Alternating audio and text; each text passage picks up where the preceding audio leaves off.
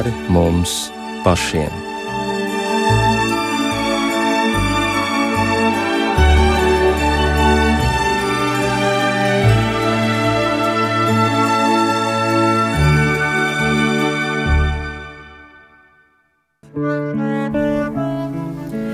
Esiet sveicināti raidījumā pāri mums pašiem, lai ir slavēts Jēzus Kristus. Studijā Inte Zēgnere par skanējumu rūpējas Ernests Valts Fjodorovs, bet mūsu raidījuma viesi ir Rīgas vecās svētās ģertrūdas draudzes mācītājs Oskars Smoļaks. Labvakar! Labvakar! Šeit pat studijā arī Salaspils katoļu draudzes prāvests Ilmārs Tolstovs. Labvakar, Ilmār! Labvakar! Un Rīgas Vīlandes Baptistu draudzes sludinātājs Markus Roškāns. Labvakar! Mēs satiekamies zīmīgā svētdienā, kurā atceramies nu jau 33. gada dienu, kopš šeit, Doma laukumā un arī citās Rīgas un Latvijas vietās cēlās cilvēki, lai cīnītos par valsts neatkarību. Un, godīgi sakot, lai arī pati šos notikumus piedzīvoju, šobrīd tās šķiet tā kā epizodes no filmas, sākot ar zvanu sešos no rīta, kad paceļot klausuli atskanēja viens vienīgs vārds radio un bija skaidrs, ka ātri jādodas uz domu laukumu, un jau kopš agra rīta tur sāka pulcēties cilvēki. Tad dievkalpojums Rīgas domā, ka toreiz prāvests Liepiņš deva svētību pārpildītajā dievnamā un sacīja, ka sava zeme ir jāaizstāv, pēc tam tautas pulcēšanās krastmalā un manifestācija, un šobrīd tik tiešām šīs visas epizodes virknējas gandrīz kā filmā, barikādes, smagā tehnika, nemitīgā dūmu smarža un arī cilvēki, kuru dienu un nakti bija gatavi sargāt radio ēku, plikām rokām, sargāt bez ieročiem. Un, protams, sargāt arī televīziju un visus citus strateģiskos objektus, bet patiesībā jau sargāt tikko dzimstošo brīvību. Un um, tie, kas atceras, tie noteikti piekritīs, ka toreiz valdīja neaprakstāma vienotības, vienprātības un arī savstarpēja atbalsta un nesautības gaisotne. Tāpēc arī mēs runāsim šovakar gan par barikāžu laiku, ko mēs esam ieguvuši, ko varbūt iespējams zaudējuši. Runāsim par vienprātību un šķelšanos, un runāsim arī par kristiešu vienotības lūkšanu nedēļu, kas ir iesākusies 18. janvārī visā pasaulē. Bet vispirms par šo barikāžu laiku atļāvos nedaudz padalīties atmiņās, bet Markus gribētu sākt ar tevi.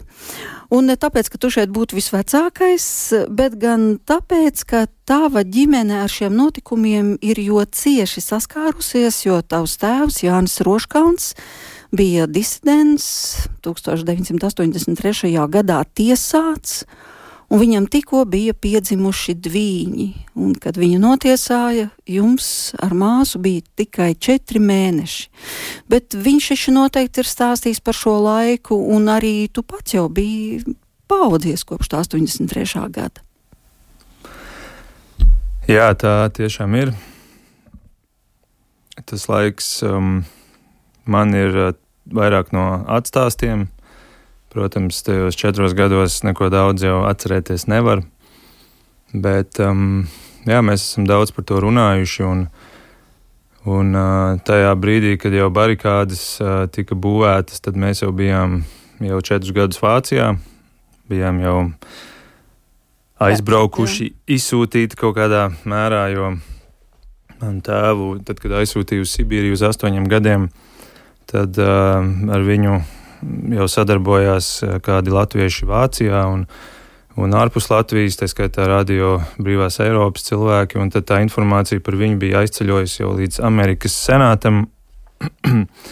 un, uh, Amerikas prezidents Ronalds Reigans sūtīja vēstuli ar 25 politi ieslodzītiem, kas ir jāatbrīvo, lai, um, lai, lai ne, netiktu ieviestas kaut kādas sankcijas um, PSRS. Un, Un man tā vārds bija šajā sarakstā, un tāpēc viņu atbrīvoja pēc četriem gadiem priekšlaicīgi. Tas bija tas 87. gads, un, un tad viņš vēl paspēja uzorganizēt kopā ar uh, manu mammu, manu vecstāvu un uh, Helsinki 86 grupas cilvēkiem uh, šo 14. jūnija protesta akciju, kas ir kaut kādā ziņā varbūt tas trešās atmodas starta signāls um, un vēl 23. augustu. Un, Un tad mēs, jā, mums bija jāpamet Latviju, mums vēl iedeva ebreju tādas tā kā vīzas, kaut kāda tāda puspilsonība, tāpēc, ka bija šie ebreji jāizlaiž kaut kāda kvota kopš otrā pasaules gara, tā kā es tehniski esmu bijis pāris nedēļas ebrejs.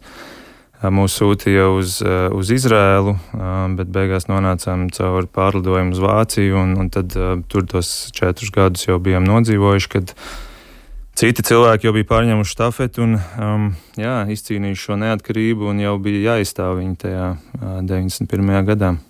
Jā, bet līdz 87. gadam jums bija kaut kā jāizdzīvo apstākļos, kad tēvs izsūtīts. Tātad es saku, jums bija četri mēneši toreiz, mm -hmm. 1983. gadā, un ir jau tas fiksēts un dokumentēts, ka mm, tavai mammai mm, tad viņa lūdza, protams, gan tikšanos ar tēvu, ko viņai atteica, gan arī uh, rakstīja šo iesniegumu par to, ka tikko ir piedzimuši dviņi un viņa ir viena un bez iztekas līdzekļiem un ar diviem maziem bērniem, vai nevarētu kaut kā mīkstināt vai pārskatīt šo sodu, tika atteikta gan tikšanās, arī, protams, ka nekāds sods netika mīkstināts. Un tas nozīmē, ka līdz četru gadu vecumam tu piedzīvoji kaut kādu, varbūt tā laika bērniem gluži citādu dzīvi, vai tu kaut ko atceries, vai tas tev ir stāstīts, varbūt mamma stāstījusi. Jā, protams, nu, to šodien mēs saucam par disfunkcionālu ģimeni, kur jā, mātei ir vienai pašai jāaudzina dviņi, arī apstākļos, kas ir grūtāk nekā varbūt mūsdienās. Bet um, mazliet palabojot uh, to, ko tu minēji, bija iespējas arī pāris reizes aizbraukt uz, uz, pie, pie tēva, un vienreiz arī bija, kad mēs braucām. Tas uz Permu jau. Jā. Jā. jā, bet šeit, cietumā, jā, šeit, jā. nekāda jā, jā. tikšanās Nē. netika pieļauta.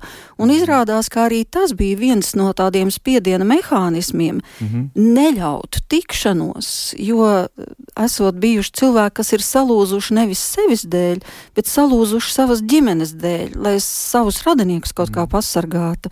Nu, tēvs tēvs izgāja arī cauri šim posmam, bet no tā Vācijas viedokļa raugoties, tad kā izskatījās tie notikumi, kas toreiz risinājās. Taču bija kaut kādas ziņas jau nāca, nu, bija taču informācija arī, lai nu kāda, bet nonāca jau par to situāciju, kas notiek Baltijā.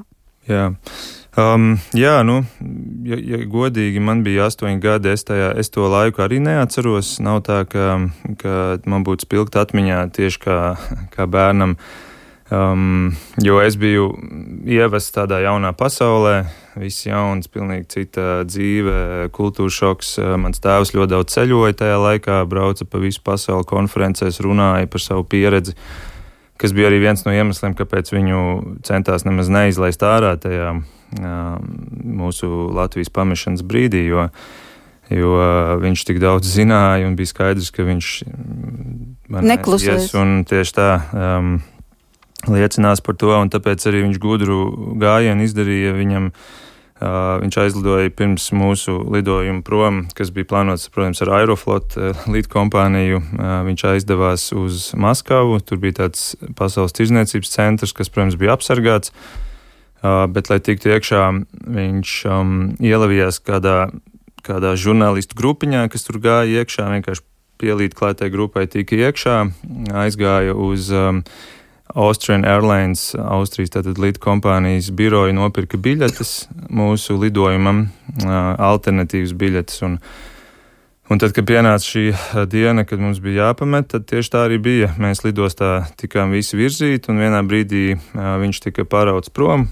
Atšķirts no mums, mums teica, ka ja ejiet tālāk, viņu paņēma nost atsevišķā telpā. Un, un principā tikai tāpēc, ka Tā bija, Eiro, tā bija rietumu avio kompānija. Viņi pa skaļruniem teica, mēs gaidām pasažieru Jāni Roškalnu, mēs gaidām, ka viņš ieradīsies, un mēs nelidosim, kamēr viņš nebūs atnācis. Un šis spiediens bija tas, kas beigās viņiem lika viņu palaist. Un, un māma stāstīja, ka tajā brīdī, kad um, iekāpām lidmašīnā, tad viņa esot vienkārši raudājusi, jo tad, tad bija tas bija brīdis, kad bija skaidrs, beidzot mēs esam uh, varējuši tikt prom. Nu, tas ir tāds man, tāds arī tas, tas posms, bet astoņu gadu vecumā, jā, man, man tie notikumi jau vairs kā bērnam ne, nebija, nebija vairs nu, tāda dzīves aktualitāte. Pēc tam jau, kad tu paudzies lielāks un atskaties uz to un lasi par to, tad um, tur es tur es iegūstu šo informāciju. Jā, visbeidzot, vēl viens jautājums, pirms pievēršamies pārējiem studijas dalībniekiem. Vai tu esi vaicājis savam tēvam, bet tēti, kāpēc tev tas bija vajadzīgs? Kāpēc tu nevarēji dzīvot kā normāls mietpilsonis vai vienkārši kā, nu, ierindas uh, pilsonis un vienkārši saprotot to un savā sirdī klusi turot ideju par Latvijas brīvību, bet ne, ne, nesūtot skrejlapas pa dažādām Latvijas vietām uz nezināmām adresēm, neizplatot, nekarinot sarkanbaltu sarkano karogu un neizējot uz tādām darbībām, kas, protams, izraisa sekas. Es domāju, ka tas uh, īstais vārds ir vienkārši mīlestība uz latviešu tautu. Un, uh, to es varu teikt tāpēc, ka viņš vēl arī šodien nav līdz galam apmierināts ar to, kas ir sasniegts. Viņa prāt, mēs tādu patiesu neatkarību, neatkarību neesam ieguvuši. Tas, kas notika pēc tam, gan, gan jā, tie nākamie gadi, gan arī ne, nenotika pilna demil, demilitarizācija. Cilvēki turpināja, KGB cilvēki turpināja strādāt saimā, vēl šodien to dara un tā tālāk. Un, un patiesībā viņa tāda neapmierinātība vēl šodien liecina par to, ka viņš nav līdz galam sasniedzis to, par ko viņš cīnījās, un, un ka šī mīlestība uz latviešu tautu bija, tautu bija tā, um, kas viņam jā, bija, bija svarīga. Es šo jautājumu es arī sev uzdevu, ko es darītu šodien, ja es būtu līdzīgā situācijā. Mm, tas ir grūts jautājums, godīgi sakot. Vai um, tauta vai pasargāt ģimeni Tie ir ļoti lieli un, un sarežģīti jautājumi, bet es noteikti esmu viņam pateicīgs par to, ko viņš darīja. Un ka es šodien varu dzīvot, manuprāt, manuprāt brīvā Latvijā. Atgādināsim arī vienu no tā laika dziesmām, kas ieskaņota 1990. gadā, un man šķiet, ka tai nav vajadzīgi komentāri. Zināsim.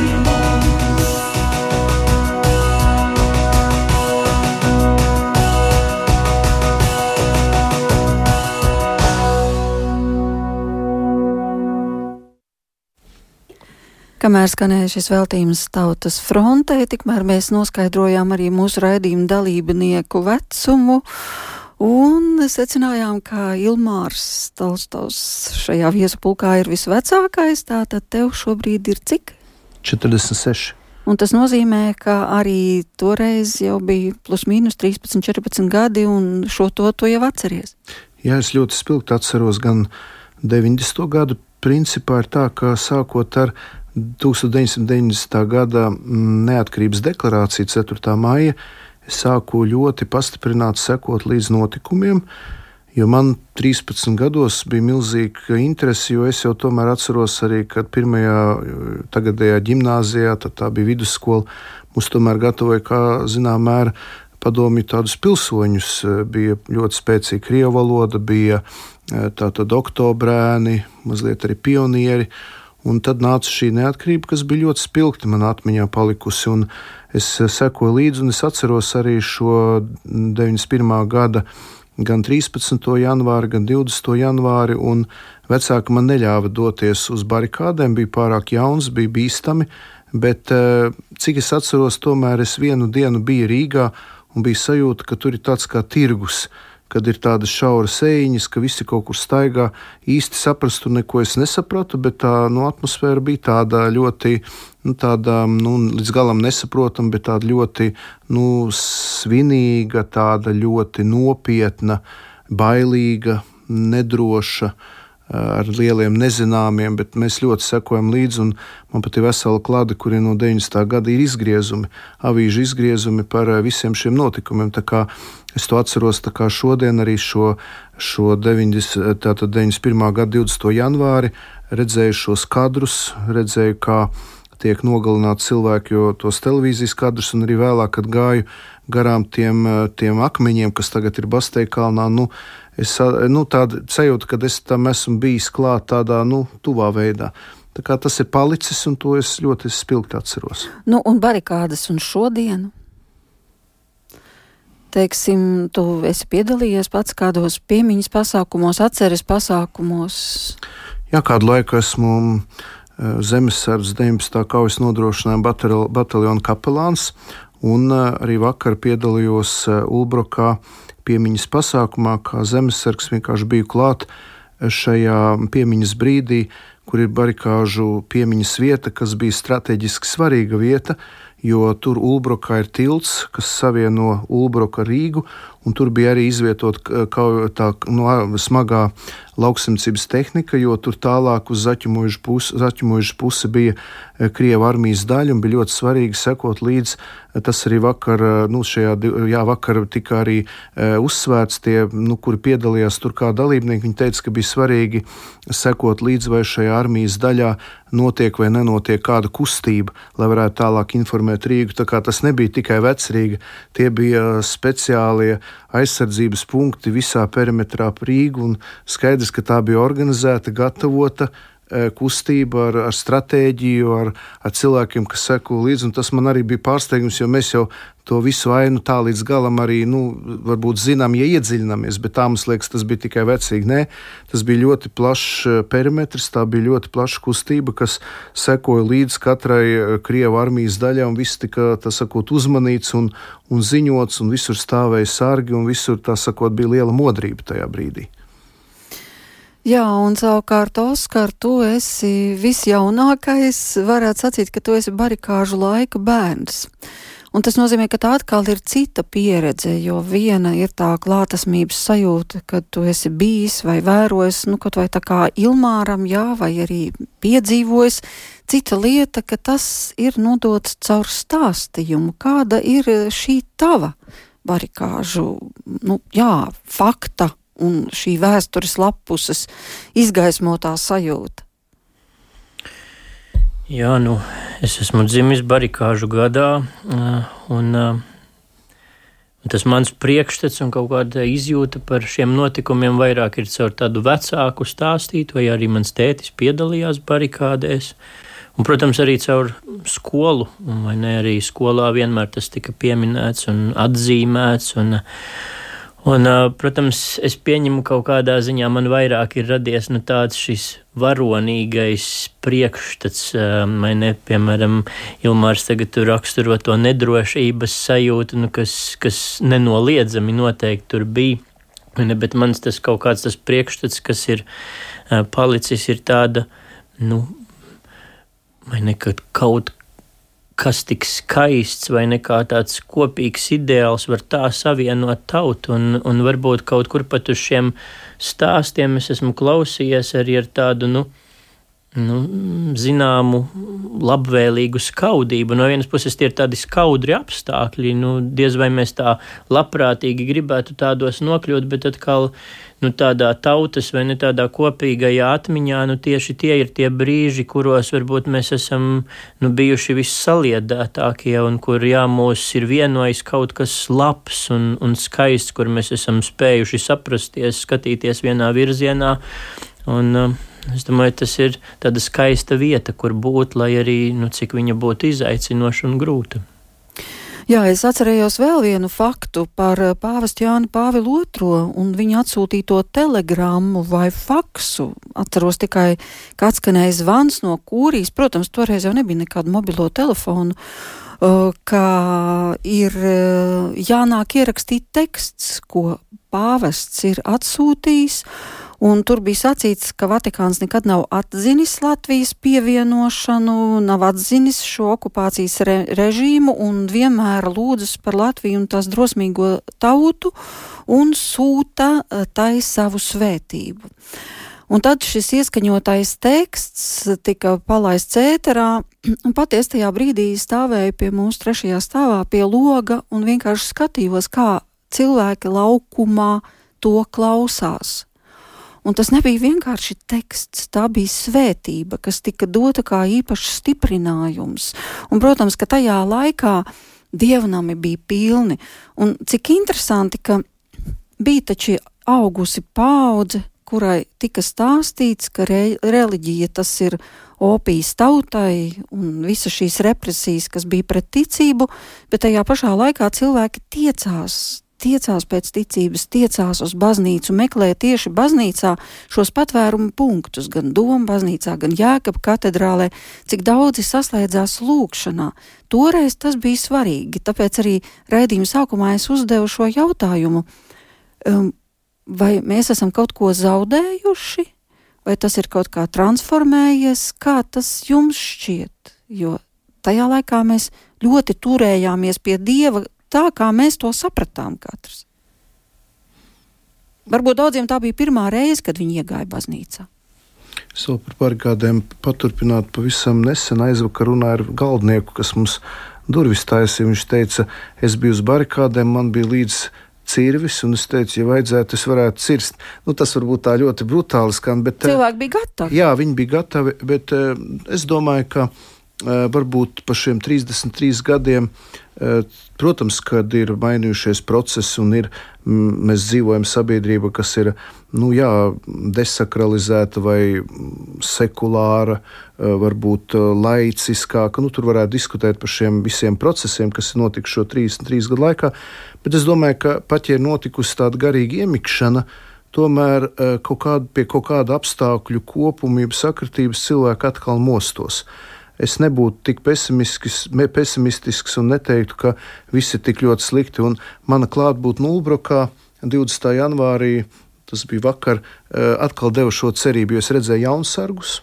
Es redzēju jaunus uh, puikas, zēnus, arī meitenes, kas ir gatavi stāties jaunsardzē, un tas mani ļoti uzmundrināja, ka ir jauni cilvēki, kas ir gatavi patriotisku jūtu vadīt, stāties armijā, stāties zemesardzē, stāties jaunsardzē, Un es domāju, arī tur ir klātesošas šīs vērtības, kuras, ja varbūt uzreiz nav tik ļoti saistītas ar, ar mūsu ticību, kā mēs to redzam mūsu konfesionāli, bieži vien reliģiski, institucionālā tādā griezumā, tad tomēr vispārēji skatoties, ir redzams, ka šie cilvēki, nu, jā, ir gatavi pat atzīt, ka viņi tic dievam, ka viņi ir gatavi lūgties, varbūt nevienmēr tā kā mēs to gribam vai saprotam, bet tomēr šīs ilgas parādās, un tas man ļoti, ļoti iepriecināja. Jā, es domāju, ka tas, ka ir tāds vienots ienaidnieks, tas noteikti vienmēr vieno. Um, mums bija tajā laikā skaidrs ienaidnieks, un, uh, un tad cilvēki bija gatavi iet un, un uh, kopīgā, kopīgā, kopīgā labuma vārdā cīnīties. Un, un mēs to redzam pat, pat Bībelē farizēji un saduķēji ir gatavi sabiedroties, kaut gan viņi ir lielākie ienaidnieki tikai tāpēc, ka viņiem ir kopīgs pretinieks Jēzus.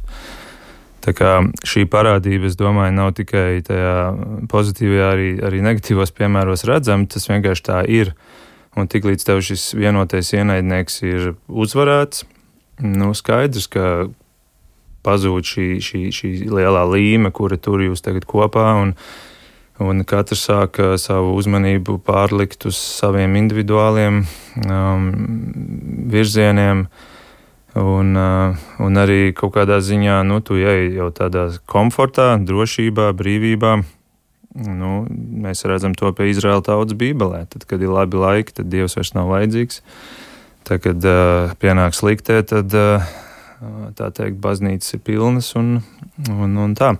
Es domāju, ka vēl viens iemesls, kāpēc bija tiešām arī sākuma posmā baznīcas pilnas, ka tā ir arī kaut kādā ziņā tā pretreakcija, nu, kad tu iegūsti šo brīvību, tā ir tā fiziskā brīvība, juridiskā brīvība, bet tā arī ir brīvība izdzīvot savu, savu ticību. Ja, un, ja tev iepriekš ir bijis ateisma, ateisma kaut kāds, kaut kāds rāmis vai, vai krātiņš, kurā tu dzīvo, nu, tad tu lauzies ārā pretējā virzienā, un tad tu ielauzies šī garīgumā. Um, kāpēc šodien mums tas vairs nav novērojams? Um, tāpēc, ka labos laikos radās vāji cilvēki kaut kādā ziņā. Ja? Es tam, tam arī tiešām ticu. Un, un, un, un, un cilvēki meklē komfortu, viņiem viņi sāk pievērst vairāk uzmanību sev. Es domāju, protams, arī baznīca ir spēlējusi savu lomu ar savu jā, kompromisu pilno liecību. Un, um, un tur mēs varētu vēl visādus iemeslus minēt. Jā, bet tajā pašā laikā svētajos rakstos ir diezgan arī skarbi vārdi pateikti par to, ko nozīmē būt vienotiem un ko nozīmē būt sašķeltiem. Nu, teiksim, Jēzus saka, ka valsts, kas ir sašķelta, nevar pastāvēt pati sevī. Tas ir jau tāds viens brīdinājums. Tai pašā laikā viņš lūdz Dievu par mācekļiem. Pirms viņam jādodas ir krusta nāvē, viņš saka, ka Es lūdzu, lai visi būtu viens, kā es manī un kā tu manī un es tevī, un lai pasaulē pazītu. Nu, ka, nu jā, es varbūt precīzi neno, nenocitēšu, bet domu jūs sapratāt, ka lai pasauli pazītu, ka tu mani esi sūtījis šis, šis vienotības moments, kas ir ļoti svarīgs. Un tagad, ja paskatās vienalga, kur, nu, kaut vai, protams, populārākā vieta varbūt ir sociālie tīkli, tad, ja mēs paskatāmies, cik ļoti dalās mūsu domas pat vissīkākajos jautājumos, ka liekas, ka kašķis jau ir gandrīz vai tāda tradicionāla lieta, eh, kas ir noticis tādā veidā, vai mēs tur kaut ko varam mainīt, eh, lai, lai nedotos šajā, šajā sašķeltības virzienā, jo mēs taču redzam, ka diemžēl tā ir. Es domāju, ka nu, mēs jau zinām, ka sašķeltības pamats ir grēks, kas ienāca reizē ar pirmo grēku, ar Ādama un Ievas grēku. Mēs dzīvojam pasaulē, kurā valda nu, jā, sašķeltība. Es domāju, ka mums ir vienmēr risks eh, vienotību saprast ar vienādību. Un tāpēc, eh, ja mēs arī sākam runāt par šo vienotību, tad tā nevienmēr ir vienādība. Un šeit ir jāspēj, eh, nu, tikai svētais gars var, darīt, var izdarīt to, ka mēs varam būt vienoti dažādībā. Es domāju, arī ja runā par šo patriotisko kontekstu, kā tagad izdarīt tā, ka Latvijā dzīvojušas dažādas tautības, nācijas un cilvēki, kas runā dažādās valodās, tomēr kļūst vienoti ap eh, vienas valsts, vienas eh, valodas, eh, vienas vērtības nu, šo aspektu. Ja. Tas arī ļoti liels izaicinājums, jo mēs taču nevaram likt Latvijai visiem būt vienādiem. Tas nekad nebūs. Bet ir jāatrod vienotība šajā dažādībā, lai šie dažādie cilvēki kuri Latvijā tagad dzīvo, runā dažādās valodās, vai ir dažāda tautība, vai pat uzskatu, un tā, kā viņi var būt vienota. Kā tas ir tāds arī nu, tāds svētā gara meistardarbs, un e, to tikai Dievs var paveikt, kurš pats ir viens, bet nav vienveidīgs. Tas ir nu, jā, bet kas tad ir e, tas kodols, ap ko centrēties? Nu, tā, tad, tā ir valsts, nu, tā ir zeme, protams, tā ir valoda, protams. tā ir tauta. Mm. Nu, kas vēl? bet arī bez dieva visā šajā kodolā neiztikt. Nu, laikam taču bet, neiztikt. Bet Dievs jau ir tas, kurš arī nu, mums devis šo zemi. Tā jau ir Dieva dota zeme pirmām kārtām latviešiem. Ja kur ir šeit ir pamatnācija un tā ir dieva dota zeme, bet arī visiem pārējiem, kas šeit dzīvo, viņiem jāapzinās, ka šī ir Latvija, šeit dzīvo latvieši, šeit ir latviešu valoda, šeit ir daudz citas vērtības, kuras ir piederīgas šai nācijai un to arī māca ticība. Tas jau ir tas, ka arī baznīca, kristietība jau stāv šīs e, idejas aizsardzībā un pamatā. Tas jau ir tas, ko mēs aizstāvam. Bet mēs neliekam visiem būt vienādiem, bet vienotiem šajā kopīgajā mērķi. Un tagad es gribu atgādināt vēl kādu ierakstu no barikāžu laika koncerta, kas notika pirms trījiem gadiem. Uh, bija um, ļoti iedvesmojošs koncertu uzvedums ar nosaukumu Kuries mana uguns, eh, ko veidoja Latvijas radiokoris, arī citi dalībnieki. Tur bija Roberts Rubīns, toreiz rūpējās par scenogrāfiju, un eh, šajā Notikumā piedalījās toreiz arī arhivīskaps Jānis Vanaks, kas bija iesaistīts laikam pirmo reizi eh, gluži citādā amploā, lasot eh, apceres eh, šī koncerta uzveduma laikā, bet atgādināt to šobrīd, lai izskan kāda dziesma.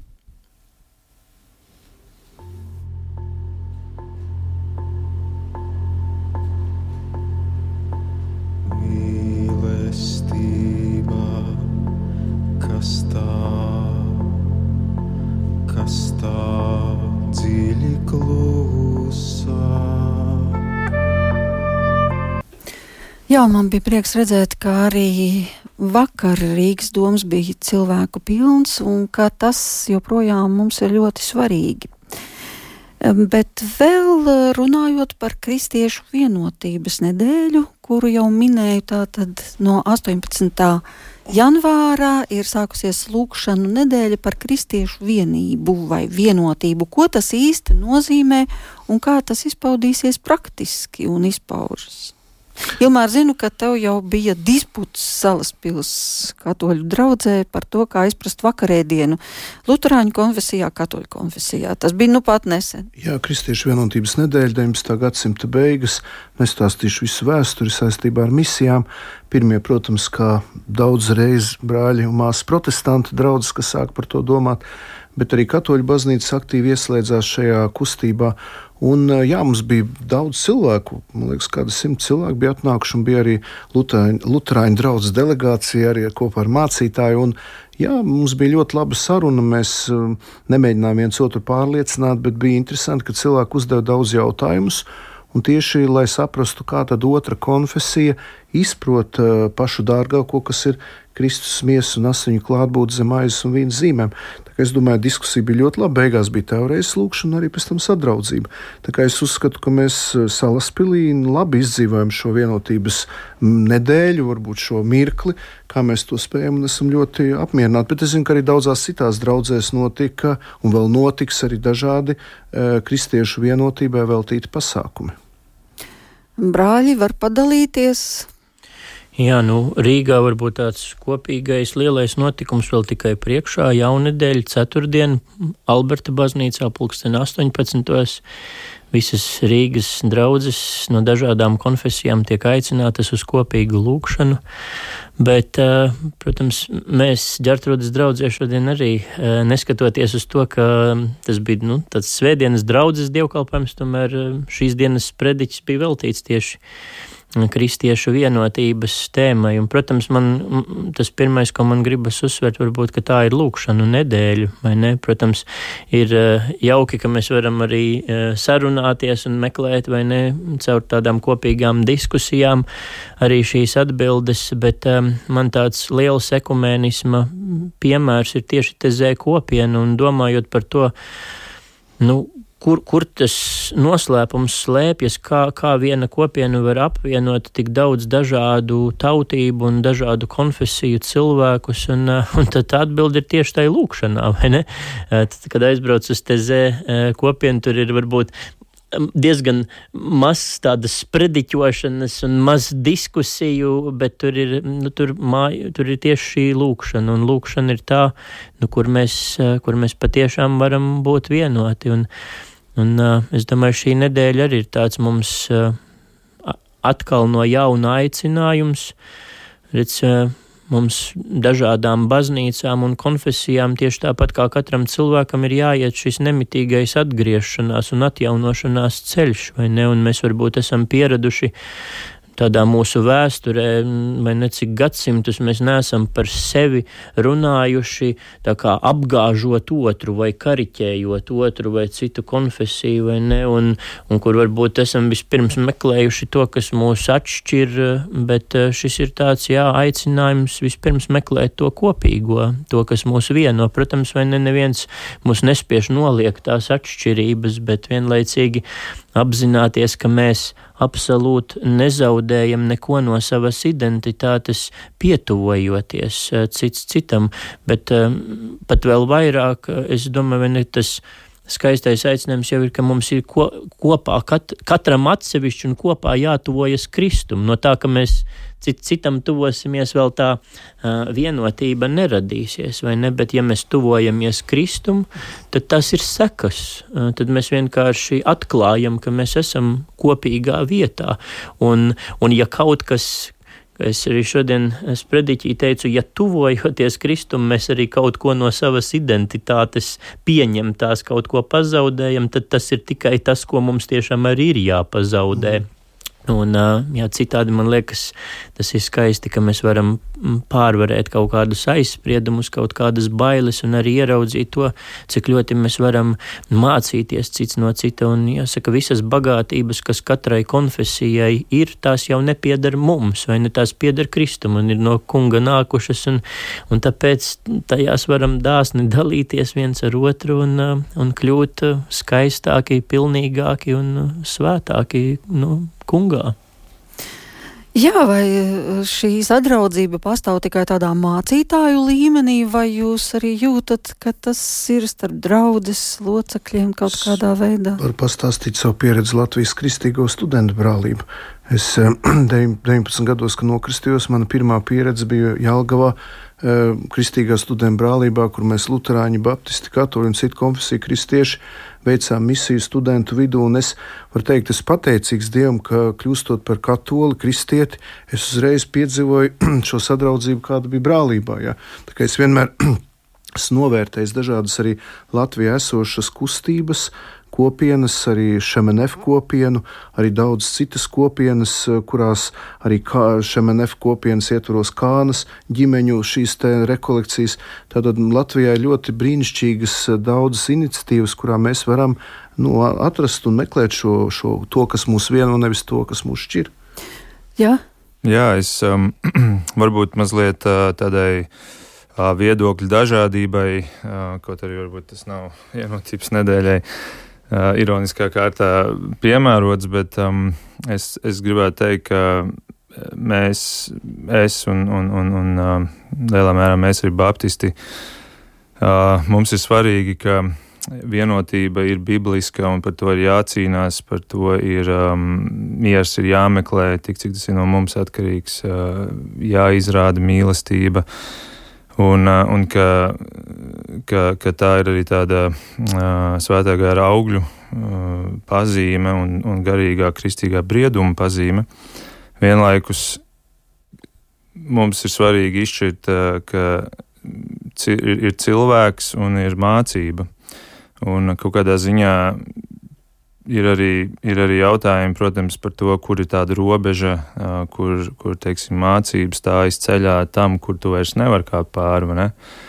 Un es noteikti gribu pirmie jautāt, kāpēc mums šeit nesēž neviens mormons? Ne? Ir kaut kāda robeža, kāpēc mēs pasakām, nu šeit, šeit mēs vairs neesam kristīgajā brālībā, ģimenē. Un, un man, man piemēram, ir tāds jautājums par, ko es nesaprotu arī šajā vienotības idejā, ekumēnē, ka mums ir, mums ir um, Iedomājieties tādu situāciju, vīrs un sieva ģim, dzīvo laulībā, un uh, vīrs uh, saka sievai, ka tu esi nolādēta, uh, bet dzīvosim kopā, uh, uz āru rādīsim tādu fasādi, ka mēs esam vienoti.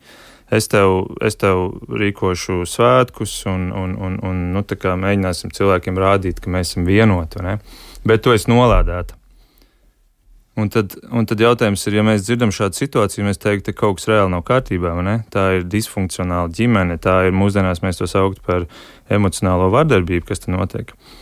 Bet tas, ko, tas, ko kāpēc es šo minu, ja, ka pēc būtības um, katoļu baznīca ir, uh, ir uh, izteikusi lāstus Trentas koncilā uh, par to, ka nepieņem taisnošana tikai no ticības un citus jautājumus, kur mēs varētu, protams, diskutēt par to, kurš, kurš kā to saprot, bet kas ir tas mans jautājums, ir, šie lāsti, kas ir izteikti uh, cilvēkiem, kur tā domā, un, piemēram, es, es vienkārši interesi pēc pārlasīju tos 33, um, 33 uh, kanonus, kas ir tieši par taisnošanu, un es varu pateikt, ka es 13 no tai, tiem, uh, tie atbilst man, un man kaut kādā, pret mani kaut kādā ziņā līdz ar to katoļu mācība saka, tu esi nolādēts kā to, nu, kā to, vai ne, kā to tad, uh, savienot. Es esmu it kā aicināts uz tādu vienotību, bet vienlaikus tomēr ir šī. Šī, ir šī otra barjera. puse, kura, nav, kura nekad nav tikusi atcelta. Un, bet, tad, un tad ir jautājums, vai tā ir kaut kāda tāda, pateikšu, tā, tāda nu, Pēdējā, kā mēs varam, kā mēs varam kā pateikt, nu labi, to mēs nostumjam malā, un, un tas jau nav no, teiksim, manis personīgi, kā, kā protestanta vai vienalga, vai ne, bet um, tas jau ir tas, kur es teiktu, tā, tie ir mūsu fundamenti, mūsu ticībai Kristum.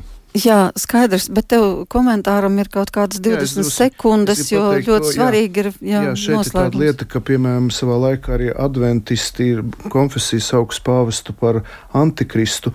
Vēsturē mums ir ļoti smaga pieredze, un mēs nevaram, protams, to ignorēt un aizmirst, bet šie visi lāsti ir atcelti. Pāvests Pāvils VI lūdzu piedošanu, ir taisnošanas mācība, Lutāņiem ir kopīgi dokumenti. Ja. Mēs esam auguši, un arī jebkuras konfesijas, arī jebkuri kristieši viņi ir nu, gājuši kaut cauri, bet es domāju, ka šeit ir svarīgi, ka mēs paliekam šajā nu, kopīgajā un skatāmies, kā mēs varam balstīt savu mācību vēl vairāk, protams, uz Dievu vārdu, uz svētā gara atziņām, bet, protams, ka vēsture daudzos gadījumos ir bijusi sāpīga un arī ir joprojām konfesijas, kas ir nu, ļoti lielā naidā un izplatīta ļaunumu, bet šī vienotības nedēļa mums ir, lai meklētu šo kopējo kopsaucēju. Un mācītos pārstāstīt vēsturi no dziedinātas vietas, mm. nevis izmainīt, bet dziedināt mūsu vēsturi kopā. Jā, tātad tā ir arī vēstures dziedināšana. No vienas puses, no otras puses arī laikam devīze ļoti svarīga Eh, kas ir šim gadam mīlis savu dievu no visas sirds un savu tuvāko kā sevi pašu. Tā tad vēstures dziedināšana. Un arī tam ir milzīga nozīme. Un paldies, ka šovakar tieši šeit bijāt kopā.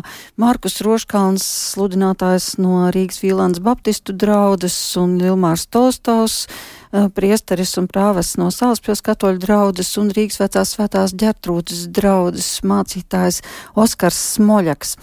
Eh, kāpēc es jūs tā arī bremzēju, jo mums bija iecerē un tā tiks īstenota pabeigt ar kādu ļoti svarīgu dziesmu šo raidījumu.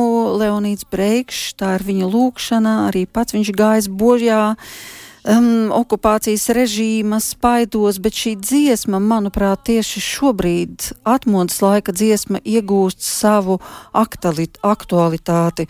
Un to jau mēs dzirdam, kā šobrīd dzied Aleksandra Špitsberga. Domāsim par šiem vārdiem un domāsim arī par mūsu vienotību un vienprātību.